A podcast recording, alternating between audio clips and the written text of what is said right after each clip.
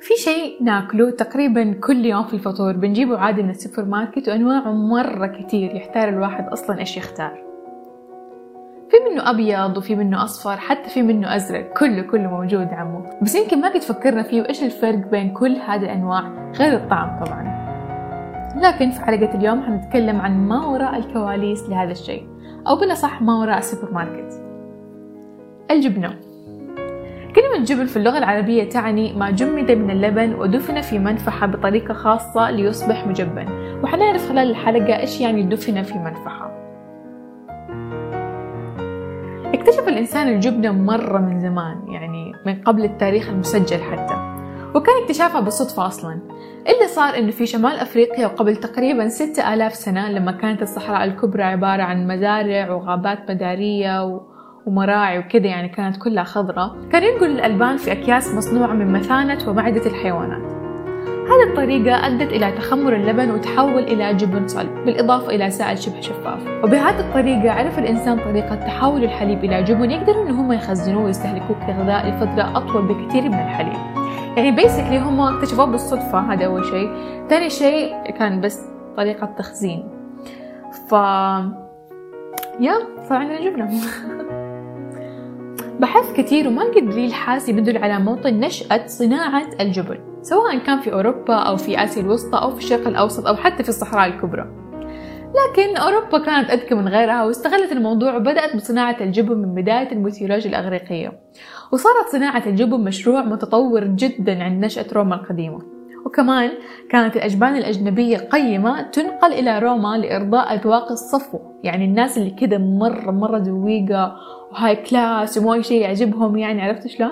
كانوا يجيبوا لهم الجبنة من أوروبا. أكيد ثقافات الشعوب مختلفة وأكيد في كل بلد أو حتى في كل قرية حنقدر نلاقي منبع من كنوز الطبيعة. وبالذات دحين صرنا نشوف أصناف ما قد شفناها قبل كده في الجبن ومزيج نكهات وإضافات ما حد قد أتوقعها. وكثير من دول الغرب زي إيطاليا وهولندا فعلا فعلا أزهروا المستهلكين بالأنواع اللي بيصنعوها أو بالأصح بيبتكروها عشان يثبتوا وجودهم في عالم الجبن اللي حرفيا ما له نهاية. الجبن يتكون من إيش؟ الجبن يتكون من تفاعل إنزيم الرنين اللي يسموه المنفحة مع الحليب. هذا الإنزيم يستخلصوه من معدة الحيوانات. ما أدري إذا في طرق حديثة لإنتاج هذا الإنزيم في المختبرات لكن هو مصدره الأساسي حيواني وكل 100 كيلو حليب تطلع لنا 14 كيلو جرام جبنة فقط. يعني تخيلوا كمية الحليب المهولة اللي يستخدموها عشان يصنعوا جبنة. طبعا أكيد النسبة والكمية تختلف من نوع لآخر لكن هنا إحنا بنتكلم بشكل عام. ومن الأسباب القديمة اللي كانوا يستخدموها لصناعة الجبنة وحفظها إنهم يخلطوا مع الجبن ثوم وبعض الأعشاب المنسمة اللي كده ريحتها حلوة زي الريحان مثلا. ويحفظوها في جلود الحيوانات وبعدين يدفنوها لفترة معينة عشان تكمل تخمير. هذا النوع من الجبنة تحديدا يسموه جبن البشاري أو جبن بيزا اللي تشتهر فيه قرى شمال العراق وشرق سوريا. بما أنه الجبن مصنوع من مصادر حيوانية اللي هي الحليب والأنزيم فيعني ما هو مصدر غذائي للأشخاص النباتيين ومع ذلك في جبنة نباتية. كيف تصنعت؟ بكل بساطة استبدلوا الحليب الحيواني بحليب لوز أو صويا أو أي حليب نباتي. والمخثر الحيواني أو المنفعة استبدلوه بمخثر نباتي عن طريق تخمر الفطريات يا أخي النباتيين حياتهم فلة ما في مشكلة إلا ولقيوا لها حل. يمكن عشان كذا دائما نشوفهم نشيطين نفسيتهم حلوة وبشرتهم حلوة وكل شيء. الجبن يتصنف حسب عوامل كثير منها مدة النضج، الملمس، محتوى الدهون، نوع الحليب، وحتى البرد والطرقة المستخدمة في الصناعة تخلي نوع الجبنة وتصنيفها مختلف. كمان في شيء اسمه الشرش وهو منتوج جانبي في صناعة الجبنة عبارة عن الماء واللاكتوز ومعادن قابلة للذوبان ودهون وبروتينات. هو تقريبا زي السائل اللي تعرفوا لما تفك علبة الزبادي هذا السائل اللي يجي فوق هذا اللي كل الناس تكبه ولا أحد يحبه ما أدري ليش نكبه بس يعني إحنا دائما نكبه. الشرش له استخدامات كتير منها تحضير حامض اللبنيك والجلسرين. وهو اللي بيصنع منه المكملات الغذائية والبروتينية. وفي بلاد الشام وفي تركيا بيصنعوا منه لبن عيران وفي سؤال دائما يجي في بالي وهو إنه ليش جبنة توم اند جيري مخرمة؟ أو عشان نخلي السؤال professional أكثر خلينا نقول ليش جبنة الإيمنتال وهي واحدة من أشهر الأجبان السويسرية تحتوي على ثقوب. السر يكمن في العملية التصنيعية لهذه الجبنة. زمان كانوا يحلبوا البقر في سطل وبعدين يشيلوه يودوه مصنع الجبن وكذا يعني العملية كلها بتكون يدوية. وطبيعي ممكن ندخل من القش أو التبن اللي هو غذاء البقر في الحليب. هذا التبن كان يطلق غازات بتسبب هذه الثقوب. لكن اليوم مع تطور التقنية والتكنولوجيا الحديثة كل شيء صار يتم بالأجهزة. هي أكيد أنظف لكن ما حتعطينا الخرم اللي كانت موجودة زمان. وأتوقع من تحرياتي الشخصية أنه ما حيكون نفس الطعم يعني مستحيل الجبنة أم تبن حتكون نفس الجبنة النظيفة. وعشان نعرف قد إيش الجبنة غذاء مهم في هذا العالم خلينا نشوف منظمة الأغذية والزراعة التابعة للأمم المتحدة إيش قالت.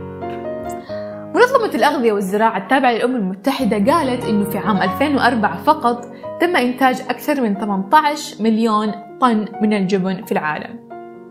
يعني لو قسمناها علينا كده حتطلع حق 3 كيلو جرام لكل شخص على وجه الأرض لكل شخص حتى الأطفال الرضع اللي ما ياكلوا جبنة حتى النباتيين كله كله. يعني لو قسمناها بس على أكل الجبن فقط حيطلع أكثر من كده بكثير طيب مين تتوقعوا أكثر ناس في العالم ياكلوا جبنة؟ صراحة أنا ما توقعت الإجابة. كنت أحسب إحنا العرب حنفوز لأنه إحنا نأكل جبنة كثير بس اليونانيين فازوا علينا. الفرد اليوناني يأكل في المتوسط حوالي 27.3 كيلو جرام جبنة في السنة. نعيد مرة ثانية. الفرد اليوناني يأكل في المتوسط حوالي 27.3 كيلو جرام جبنة في السنة. يعني ما أدري الصراحة أشك إنهم يأكلوا هذه الكمية كلها يعني. يمكن يسوي في أشياء تانية الله أعلم بس مرة كتير. مرة 27 كيلو جرام الشخص يأكل في السنة. بس جبنة؟